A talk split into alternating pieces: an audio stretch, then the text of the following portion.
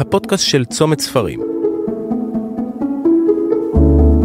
בשיתוף All In, הבית של הפודקאסטים. מגיש אבי שומר. שלום לכולם, אנחנו בתוכנית נוספת אה, מבית All In בצומת ספרים, תוכנית שעוסקת בספרים, סופרים וכל מה שביניהם. האורחת שלנו הפעם העיתונאית והסופרת מזל מועלם, שכתבה את הביוגרפיה של ביבי, הצופן נתניהו. אה, אני אישית קראתי את הספר, באמת אה, לא הכרתי את מזל לפני כן, ואחרי שסיימתי לקרוא את הספר, ביקשתי להיפגש איתה, משום שבאמת זה ספר מאלף, באלף. הייחודיות שלו באמת שמי שכתבה את הספר שומרת על ניטרליות מובהקת בספר, היא לא מכניסה דעות אישיות, היא לא יורדת לדברים צהובים, ומי שקורא את הביוגרפיה באמת מקבל תמונה כוללת בעגולה על, אה, על איש שכולנו מכירים כמובן, שהולך איתנו שנים רבות. אה, הביוגרפיה כמובן הפכה גם תוך תקופה קצרה לרב מכר אה, גדול מאוד, גם בחנויות הספרים וגם בספרים הדיגיטליים. ולכן בחרנו הפעם לדבר יותר באמת על הצד של כתיבת הספר, על הצד היותר ספרותי, פחות על מושא הספר, שכולם עוסקים בו עד בלי די. אז אולי תחילה לפני שבאמת אה, ניגע בכתיבה ובספר, אה, מזל, קצת רקע עלייך. אני מבין שההתחלה הייתה במגדל העמק. אה, קודם כל, שלום אבי. שלום וברכה. אני שמחה שהזמנת אותי. ההתחלה הייתה במגדל העמק, שם נולדתי ושם למדתי עד הצבא. בצבא שירתתי בעיתון במחנה, ומיד אחר כך התחלתי את הקריירה העיתונאית שלי. אגב, זה מה שרציתי לעשות תמיד, זה היה חלום.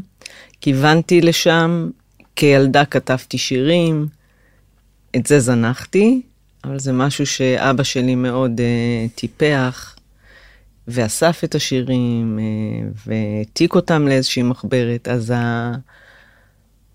העניין של הכתיבה היה מאוד מאוד חזק אצלי ובא לי באופן טבעי. ודווקא ה drive בעיירות הפיתוח האלה, אם אפשר לקרוא למגדל העמק עיירת פיתוח, הוא drive הרבה יותר גדול ממה שאנחנו רואים במרכז, זה נכון?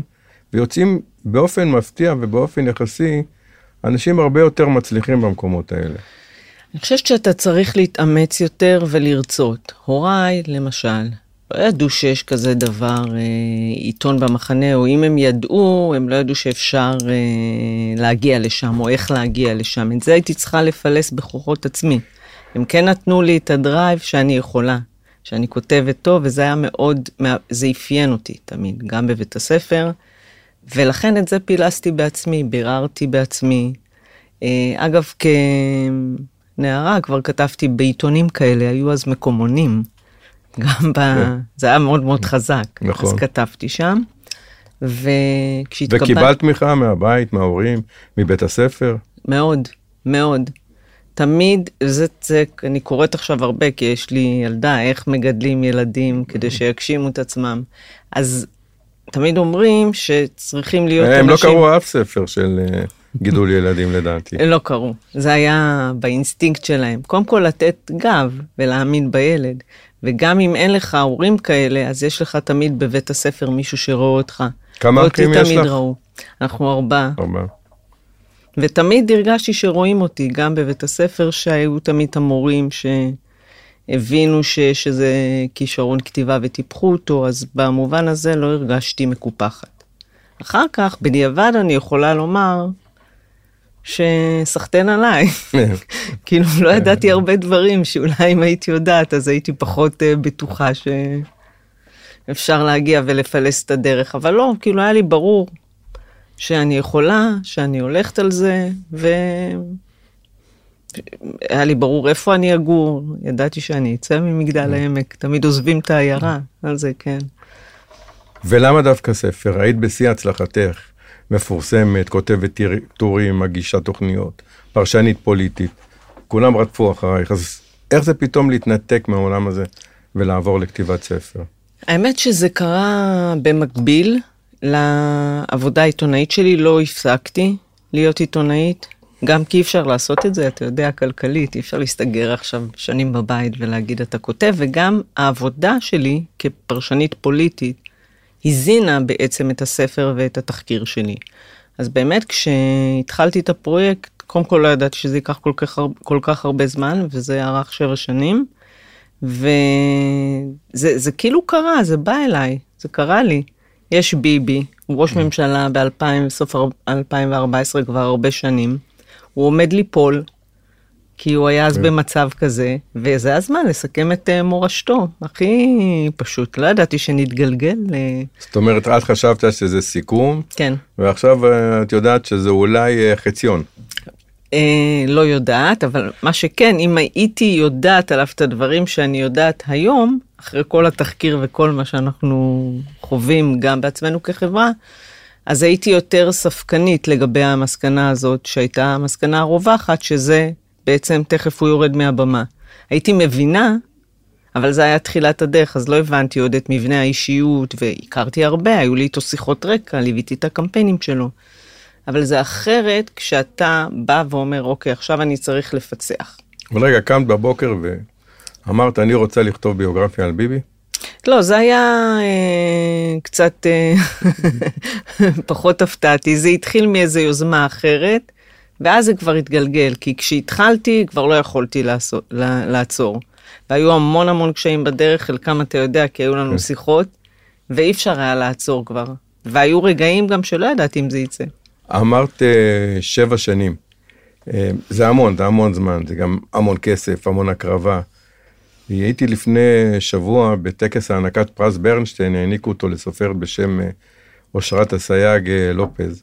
היא כתבה ביוגרפיה על אה, יוסף טרומפלדור, שש שנים.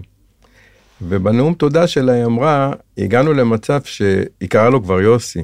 יוסי חי איתנו בבית, הוא ישב איתנו בארוחות, כמובן במובן המטאפורי. אז אה, ביבי חי איתך בבית בשבע שנים האלה? במידה רבה, כן. אפשר לשאול את הבת שלי, כשהפרויקט התחיל, היא הייתה בת אה, ארבע. היום היא כבר אה, מסיימת את אה, כיתה ז', וזה היה כל הזמן ברקע. וזה לא שיגע אותה?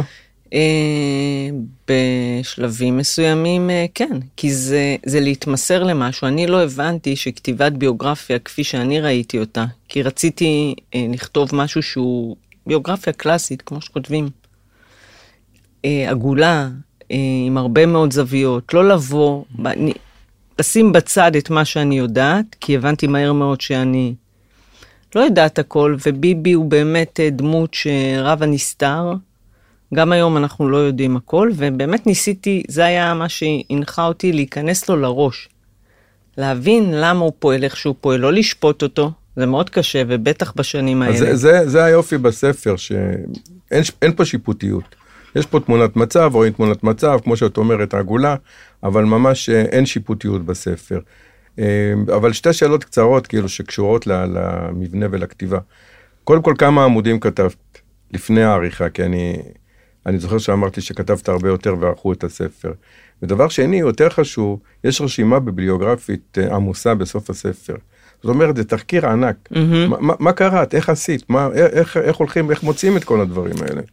אז מכיוון שזה היה הספר הראשון, ולא הבנתי גם את היקפו, ולא הבנתי לאן אני נכנסת, ולא יכולתי, כפי שאף אחד לא יכול היה אה, להבין לאן אנחנו בעצם מתגלגלים, שזה הנקודה שבה התחלתי, זה לא הסוף, זה התחלה של משהו. והתחלתי מרעיונות, ומ... אה, לארכיון, ורק אחר כך, אגב, הספר יצא בהוצאת כנרת, לא הייתה לי הוצאה, וזה התחיל כמיזם uh, עצמאי שלי. באיזשהו שלב יצרתי קשר עם uh, תמי צ'פניק, שהיא אחת משתי אגב, אורחות הוא הספר. יצא בהוצאת דביר, דביר. ששייכת לכנרת, נכון. ורק להעמיד דברים על דיוקם, דביר זה הוצאת הספרים, שאחד האבות המייסדים שלה היה ביאליק. מהמם. נכון. אז זה הרבה יותר מכובד. כן. את הספרים המכובדים מוציאים בדביר, אז אה, תודה על הדיוק. זה נקודה לזכותך. ובאמת אה, נפגשתי עם תמי צ'פניק, אתה מכיר אותה, היא עורכת ספרים עורכת מעולה. מעולה, באמת. והיא התחילה לעבוד איתי כמיזם עצמאי, אגב. בנינו יחד איזשהו מבנה, היא התלהבה מאוד, אה, ובנינו, היא עזרה לי לבנות מבנה לספר, פרקים. להזכיר לכם, אנחנו מדברים על 2015, כל מה שקרה בשנים כן. האחרונות לא היה. וזה היה גם לפני הניצחון שלו ב-2015 אפילו, אולי 2000, סוף 2014, וישבנו, פיצחנו משהו, הראיתי לה את החומרים שיש לי, היו לי כבר חומרים בלעדיים שהגיעו אליי, למשל, הספר הגנוז של נתניהו ועוד כל מיני חומרים אה, גנוזים אחרים ששפכו אור. ביחד היא הסבירה לי פשוט שצריך להיות סיפור, שצריך אה, להיות איזה גם אה, מבנה עלילתי לספר הזה שיזוז עם הדמות, שבכל פרק צריכים להיות דברים בלעדיים.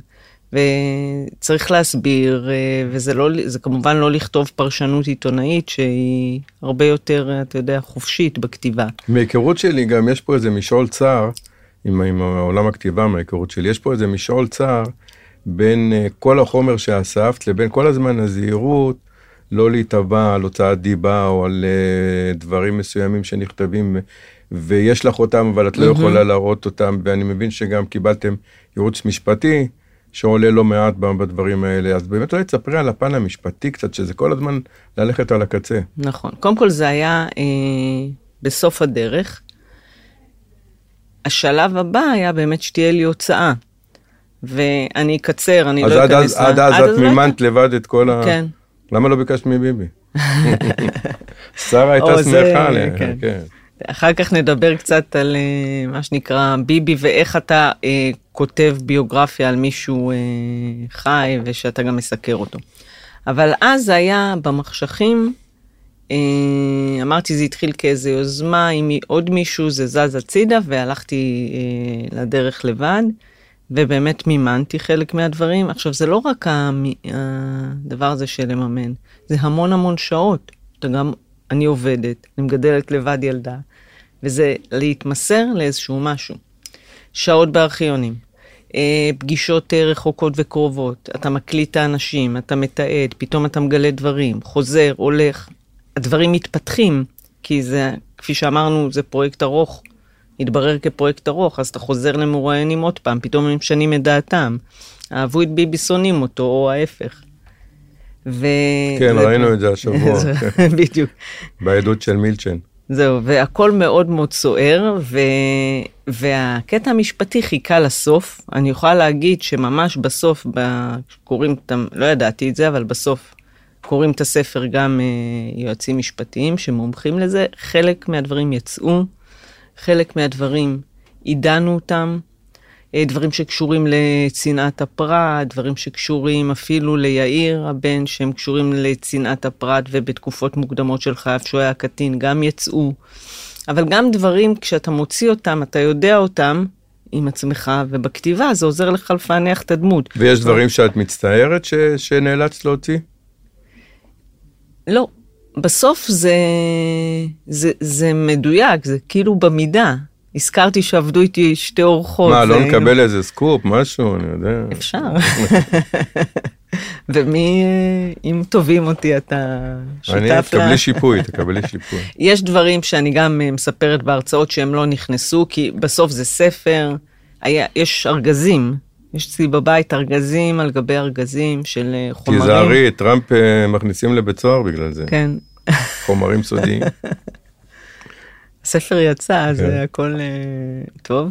כמה עמודים היו דרך אגב לפני שנערכו? אני לא יודעת כל כך להגיד, כי כל הזמן, כי עשינו, דיברת על הטכניקה, הטכניקה הייתה של עריכה מלווה, גם בגלל שאף פעם לא כתבתי ספר, וזה מאוד מאוד עזר לי. לא, אבל אה, תביני, אין, אין, אין כמעט סופר בארץ ובעולם.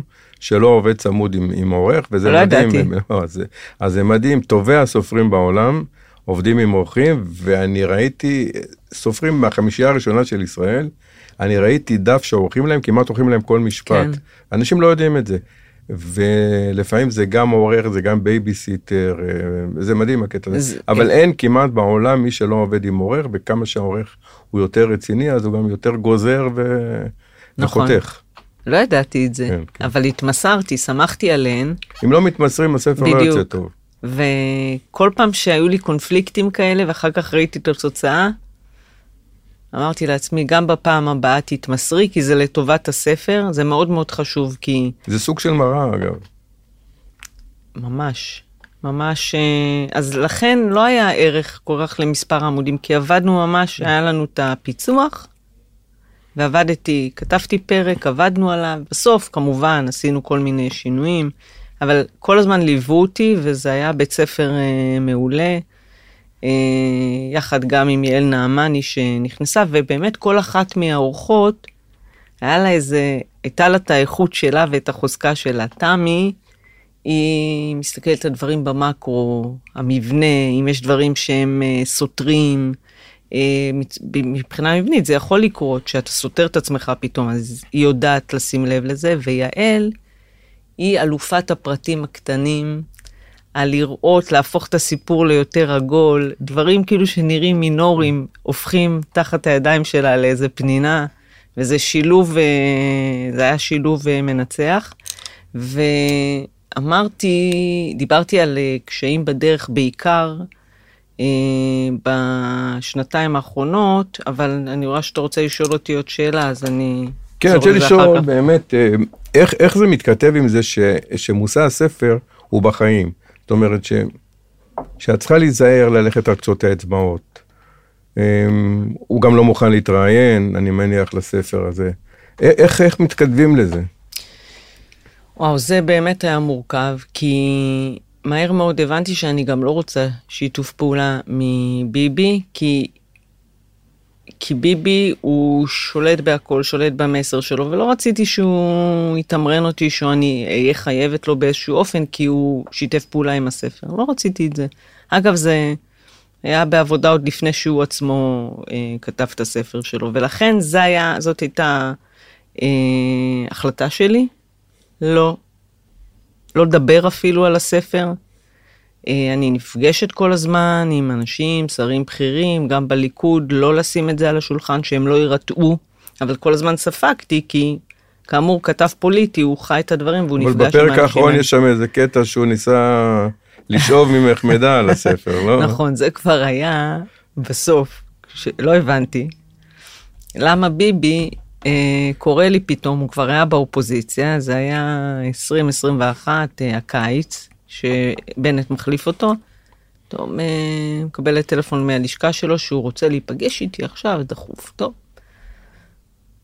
אמרתי, ברור שהוא רוצה משהו, כי ביבי תמיד רוצה משהו, וחשבתי עם עצמי, אה, ועם תמי המסקנה הייתה שהוא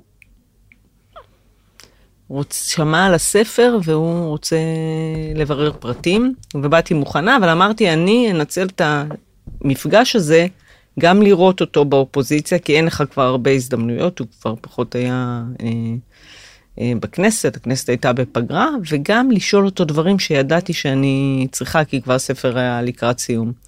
ומה שנקרא, חמש דקות אל תוך הפגישה, הוא שאמר לי, שמעתי שאת כותבת עליי ספר.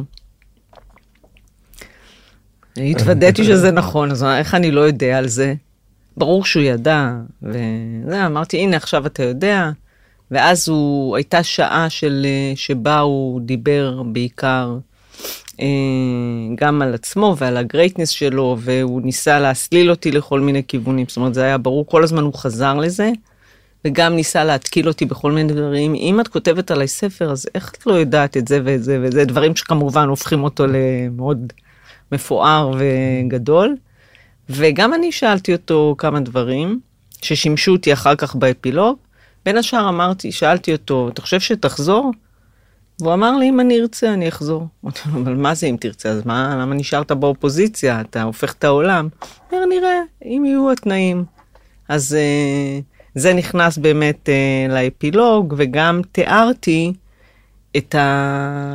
קצת את המפגש ו- ואת ה- מה שהיה מסביב. הוא פגש אותי, הוא היה ראש ממשלה 12 שנים, והוא פגש אותי באיזה משרד שחבר נטע לו בהרצליה פיתוח. לא היה אף אחד, זה היום חמישי בערב. קפה מכוסות נייר שתינו, וזה עזר לי כאילו לראות אותו גם בסיטואציה הזאת, וזה התחבר לי לדברים שכבר הכרתי עליו. הנפילות האלה שלו, ביבי הוא עוף החול, הוא קורס, ואז קם, והוא היה בתוך קריסה לקראת עוד טקט, עוד uh, מהלך, ו... ואז התגלגלנו לקאמבק שלו. הספר, בעצם, כשהספר התפרסם, זה היה חודשיים או משהו לפני הבחירות. אבל זה מביא אותי בדיוק לשאלה אחרת. אה, התחלת בנקודה, בנקודה שהתחלת, הכרת באופן מרוחק. אחרי שבע שנים אני מניח שכבר אה, היחסים היו מאוד מאוד קרובים, יחסים... אה, הוא לא ידע את זה. ארטילאיים, הוא לא ידע את זה, כן.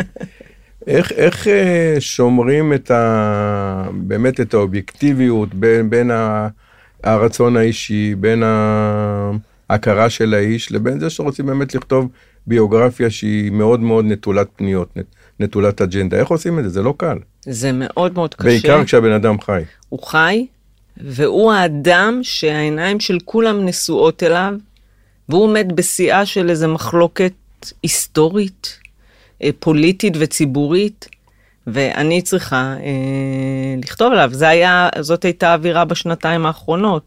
ואני הבאתי פה משהו שאני רוצה לקרוא ומאוד עזר נו, לי. בבקשה. כי היו לי, הרבה פעמים הייתי כזה עושה הליכות בים וחושבת, והיו רגעים של מצוקה מאוד מאוד גדולה. של ביבי, אתה יודע, אני גרה במרכז תל אביב, אני אה, חווה גם את החוויות של אה, אה, כעס ו, וחשש מכל מיני מהלכים שהוא עושה. אז איך אני מפרידה את זה? כי בסוף אני לא, אה, כפי שאמרת, לא רציתי ספר של אג'נדה. ויום אחד אני שומע כזה, עושה הליכה, ושמעתי איזה פודקאסט שבו הוא היה הסופר אשכול נבו, והוא אמר משהו שפשוט כל כך סידר לי את הכל, וכתבתי לי את זה מול, זה היה מולי בשולחן הכתיבה כל השנה האחרונה, והוא אמר ככה, אה, שאי אפשר לכתוב על דמות ממקום ציני או שיפוטי. צריך להיות בבפנים שלה, להבין איך הוא רואה את העולם, איך הדמות הזאת רואה את העולם. התנועה של הסופר היא פנימה. עליו להיות סקרן לגבי נפש האדם, וגם אה, בעצם אתה לא יכול לשנוא את הדמות שאתה כותב עליה, כי אז זה לא יהיה. זאת אומרת, גם הספרים על הנבלים הכי גדולים, הדמות היא מורכבת, אה, זה, היא זה לא... זה סוג של תסמונת סטוקהולם אה, כזאת. זה לא. זה, אתה בא ואתה אומר, אוקיי, הוא עושה את הדברים הכי נוראים, אבל יש לו עוד צד. הוא עשה מהלכים שהתוצאה... אז זה שינה אבל את היחס שלך אליו. לא, התאהבת בו, אני אומר, במו- במובן של באמת, לא. של מנהיג שרוצים ללכת אחריו, שהוא איש מקסים, הרי מי שפוגש אותו אומר שהוא בן אדם מקסים, הוא שרמנטי, הוא הוא צ'ארמר. זה לא שינה את אה, דעתי או את עמדותיי הפוליטיות, במובן הזה.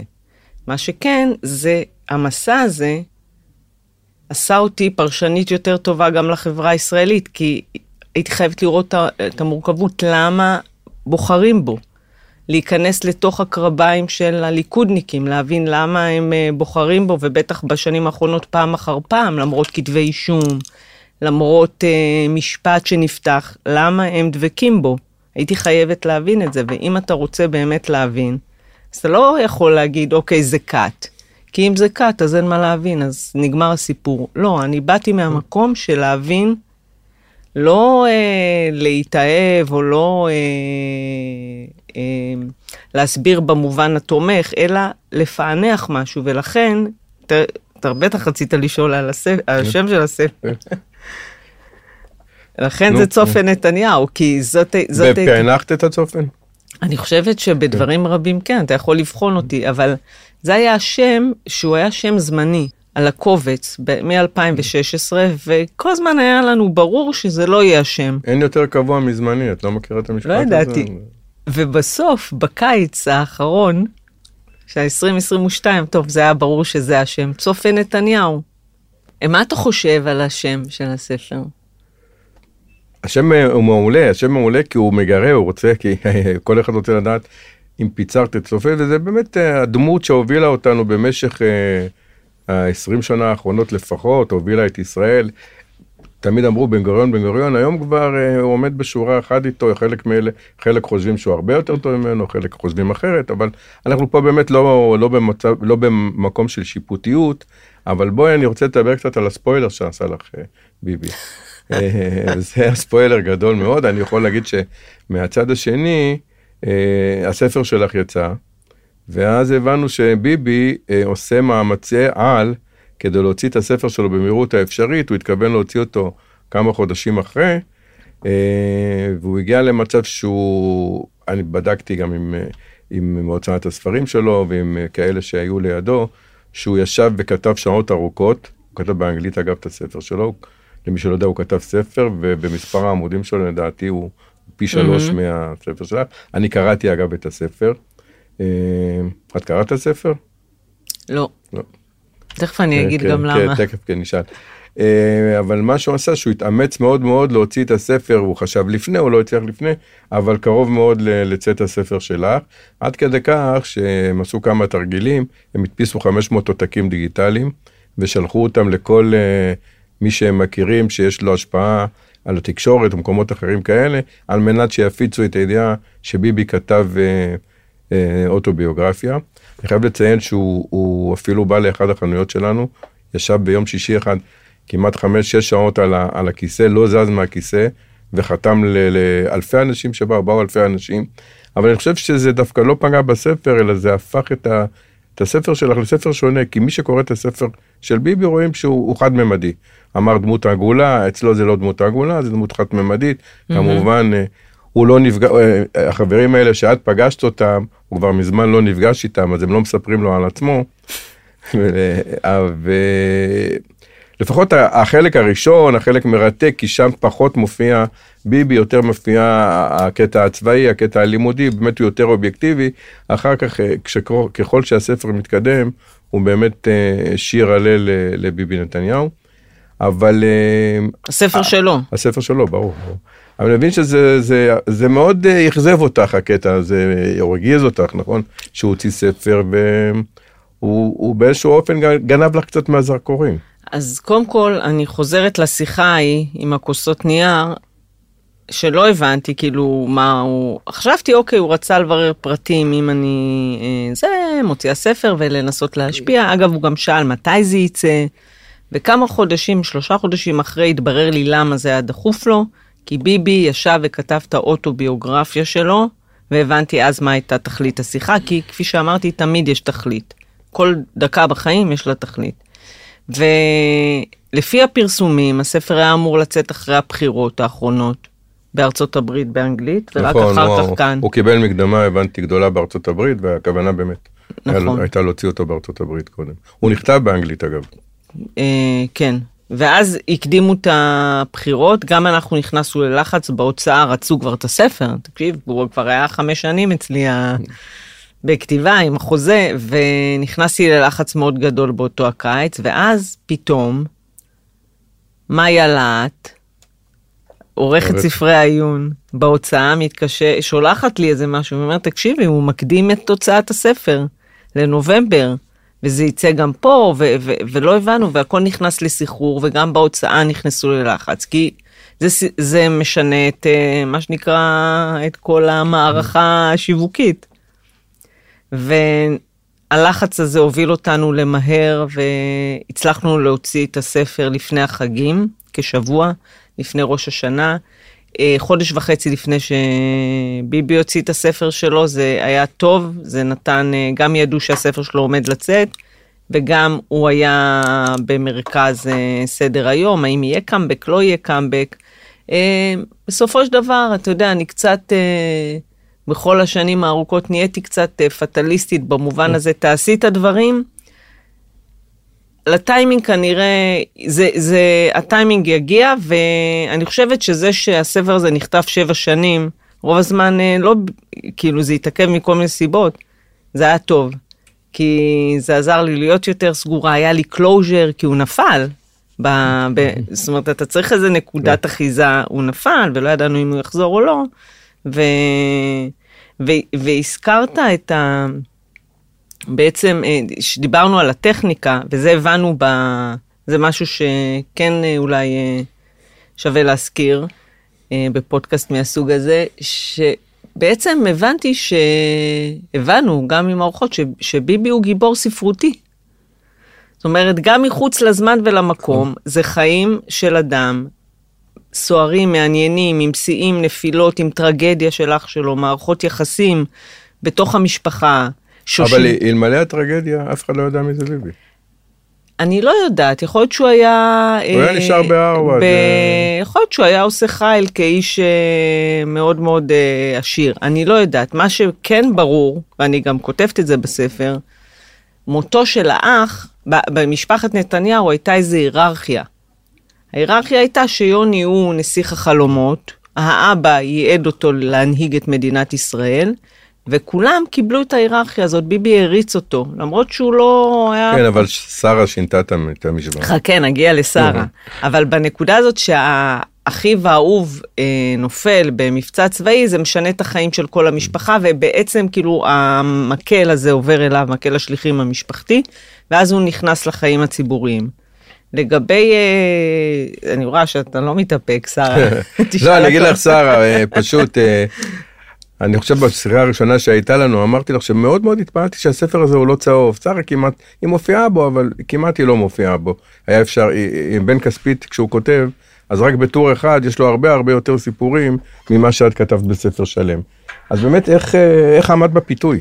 קודם כל, כי יש ספר שם... צהוב מוכר. לא, קודם כל יש שם הכל על שרה, זה לא נכון. אתה יודע... כן, אבל נזהרת לא להיכנס, לא. לא לגלוש כי, לצהוב. כי זה לא סגנון כן. הכתיבה שלי. כי אם אני, אה, אתה, אתה יכול לכתוב גם הרבה דברים מאוד מאוד קשים בצורה מסוימת, ב understatement, זה, ועל זה גם עבדנו, כי כן. זה הכי קל לבוא ולהגיד אה, זה, אבל בסוף, גם אני הבנתי, יש פה מערכת יחסים של שלושה עשורים.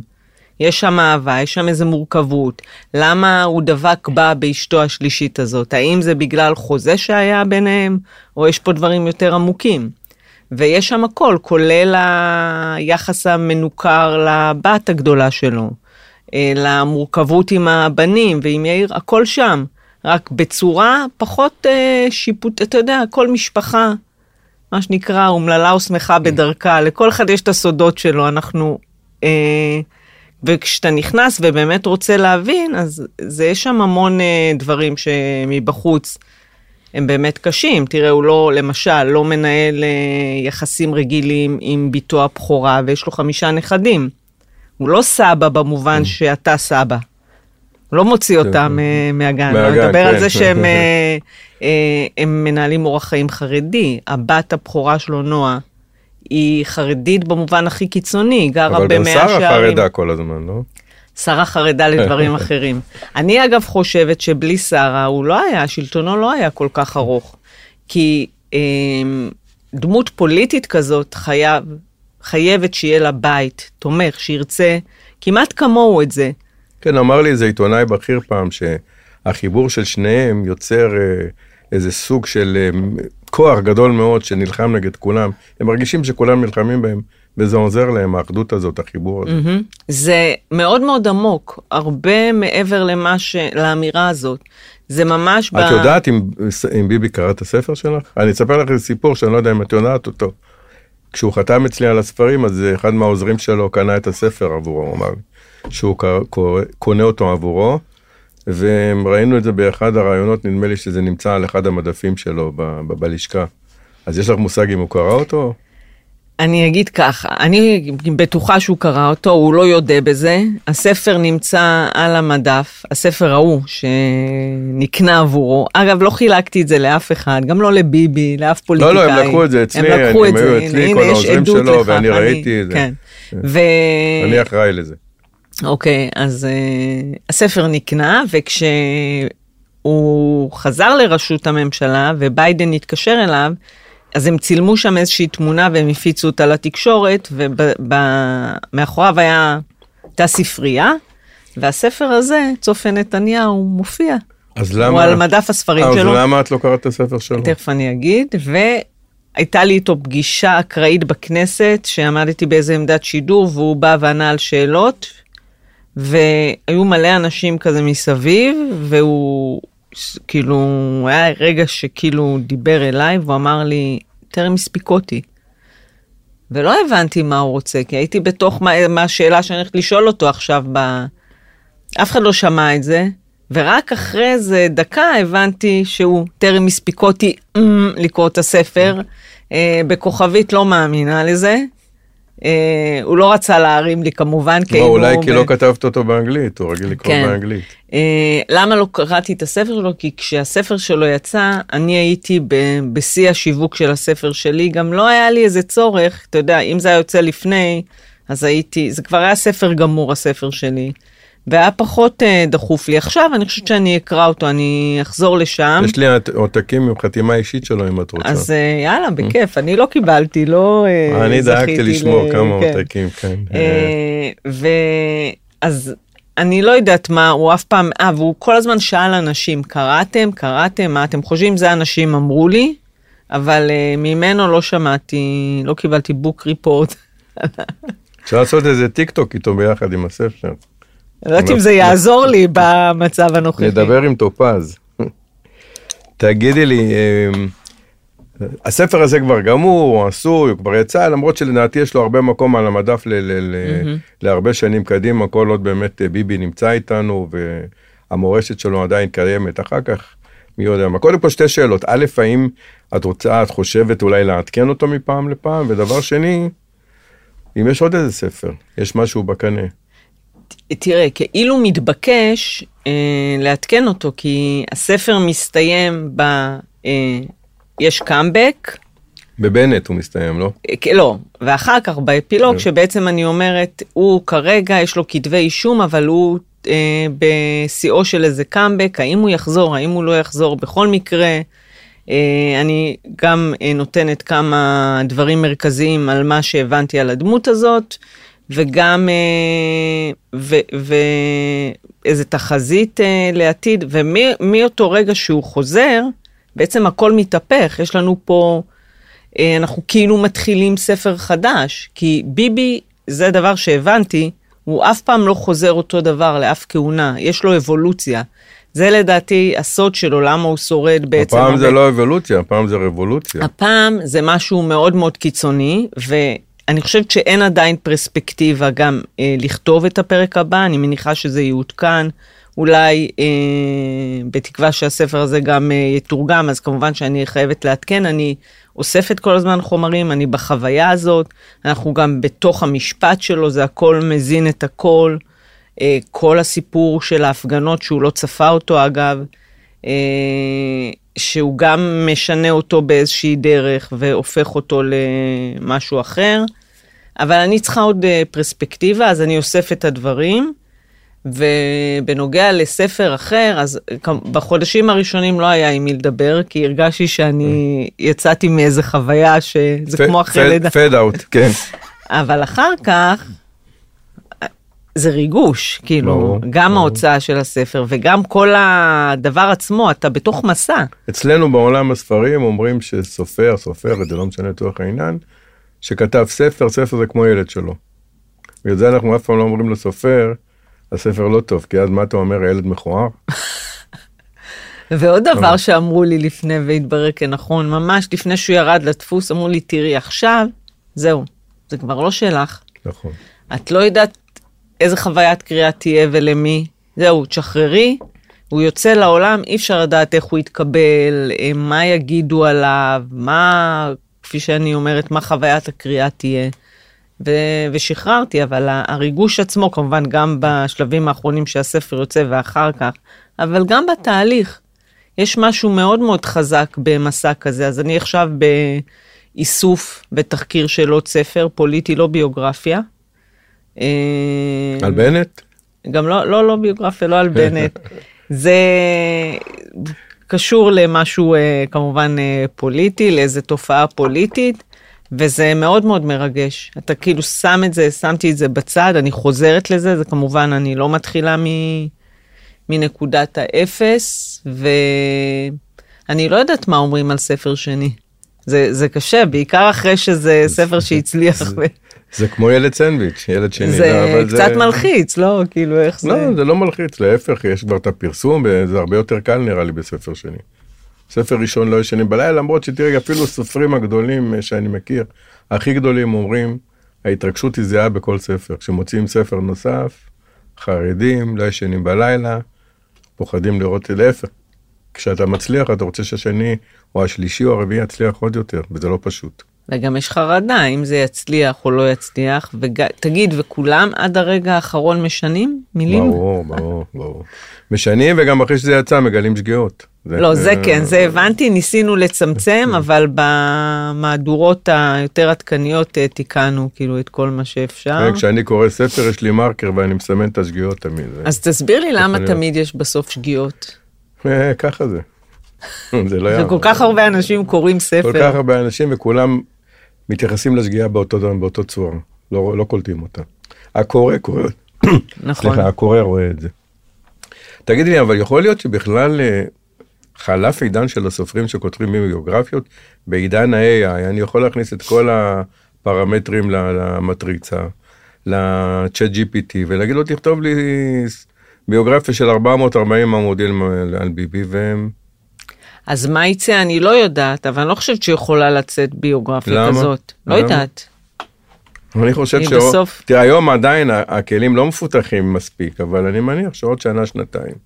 א', יכול להיות, אבל אנחנו אני, מכירים... היה לי פגישה בשבוע שעבר עם המנהלים של הפדרציה למוזיקה בארץ, שהם מאוד מאוד מודאגים מכך שכל אחד יכול היום לכתוב שיר ולתמלל אותו ב-chat GPT, וגם להתאים אותו לקול של זמר מסוים. ועשו את זה השבוע, ראיתי בטלוויזיה עם דני ליטני, וכאילו, זה לא הוא שר, אבל זה כאילו הוא שר. זאת אומרת, ברור לך שזה הוא. תראה, יכול להיות, אבל אנחנו יודעים מההיסטוריה הקרובה והרחוקה ששינויים כל כך גדולים והיסטוריים, הם בסוף, זאת אומרת, ידענו להתמודד איתם, או... אה, אז... כן, אבל אני... זה משנה את הפרדיגמה. אז אתה אומר... שינה את אה, בלוקבאסטר. נכון. כל אחד משנה את הפרדיגמה, אבל... ואגב, במאה ה-21, השינויים הם מהירים, הם קורים בשנייה, זה לא לוקח הרבה. לא לוקח הרבה זמן. תראה, הייתי בשבוע הספר, הייתי שאנשים קוראים. נכון, הם קוראים. יהיה יותר ספרים, זה לא אומר שהם לא קוראים. אני אומר, זה משנה את מעמדו של מה, הסופר. אבל אין משמעות ל, אה, למי זה הסופר, כי נניח היום ברשתות חברתיות, כל אחד הוא פרשן פוליטי. אבל בכל זאת, אם יש מישהו שיש לו איזה... אז זה גם יבקשו מהצ'אט GPT, תן לנו גם שם של סופר, ש... שם של סופר שהוא יהיה מספיק... אה, בקיצור, אתה כן. מציע לי לפרוש בשיא. לא, אני רק שואל אם זה לא מטריד, אני יודע שזה אה, היום... לא. זה מטריד את כולנו בענף, זה כל מה שיש לו זכויות, כל מה שקשור לזכויות, זה מאוד מטריד. אלא אם כן יהיו חוקים שיגנו, זה מאוד מטריד. זאת אומרת, ברור לי שצריך להתגונן מזה כן, כן באיזשהו כן. אופן, אבל אני בחוויה שלי, אני לא, אתה יודע, קצת כן. אתה, יצא לך להכיר אותי, מעניין אותי המסע, הדרך, אה, הפיצוח, הכתיבה, אז אני אומר, טוב, אני אעשה את זה, ואם יהיה איזה בינה, תהיה בינה מלאכותית שתכתוב יותר טוב, אז... אה. טוב, תראי מה זה, הזמן אה, ממש רץ כשנהנים. אז uh, לא נשאר לנו הרבה זמן, אז רק uh, לסיום, שאלה אחת ש, שאני תמיד שואל את עצמי, שבע שנים, עברו כבר uh, כמעט תשע מאז שהתחלת לכתוב את הספר, אחרי שהוא יצא. היית חוזרת על המסע הזה? בטח. בטח, גם מבחינה מקצועית זה שינה לגמרי את היחס שלי, אני חושבת שזה השביח את היכולת הפרשנות שלי. כי כשאתה ביום-יום, אז אתה ביום-יום באירועים, ואתה לא יודע ש... או לא זוכר שהיה הרבה לפני ואחרי. זה אילץ אותי לשבת הרבה בארכיונים, אני מציעה לכולם. חוויה אה, ממלאת וגם נותנת פרספקטיבה, כי אנחנו חושבים שכל מה שקרה עכשיו זהו. אז לא, וזה העשיר אותי מאוד, אה, אילץ אותי, אה, אילץ במרכאות, במובן הטוב, לפגוש הרבה אנשים, ומכל אחד אתה גם לומד משהו ומרכיב איזה פסיפס. לא הייתי משנה שום דבר, גם לא את השנים הארוכות. ואתה לא זוכר, זה כמו אחרי לידה, מי זוכר, כאילו, כמה, היה גם, אה, היו נפילות, היה בכי, היה קושי, היה, גם היו רגעים שלא ידעתי אם זה יצא. והשקעה כל כך גדולה. אגב, גם הקטע שהזכרנו עם אה, ביבי, אמרתי, אוקיי, אני יודעת, אולי החליטו פתאום לא להוציא את הספר הזה, כי אם הוא יוציא לפניי, אז... אה, לא, אבל יצא מוצר מדהים, ובאמת אה, שאפו, כל הכבוד. כל מי ששמעתי, שקרא אותו, מאוד התלהב. אז תודה רבה לך, תודה שהיית איתנו. תודה, אבי. ואני מקווה שבקרוב נדבר על הספר הבא שלך. הלוואי, הלוואי אמן. להתראות לכולם. נדבר שוב בפעם הבאה על ספרים וסופרים מבית צומת ספרים.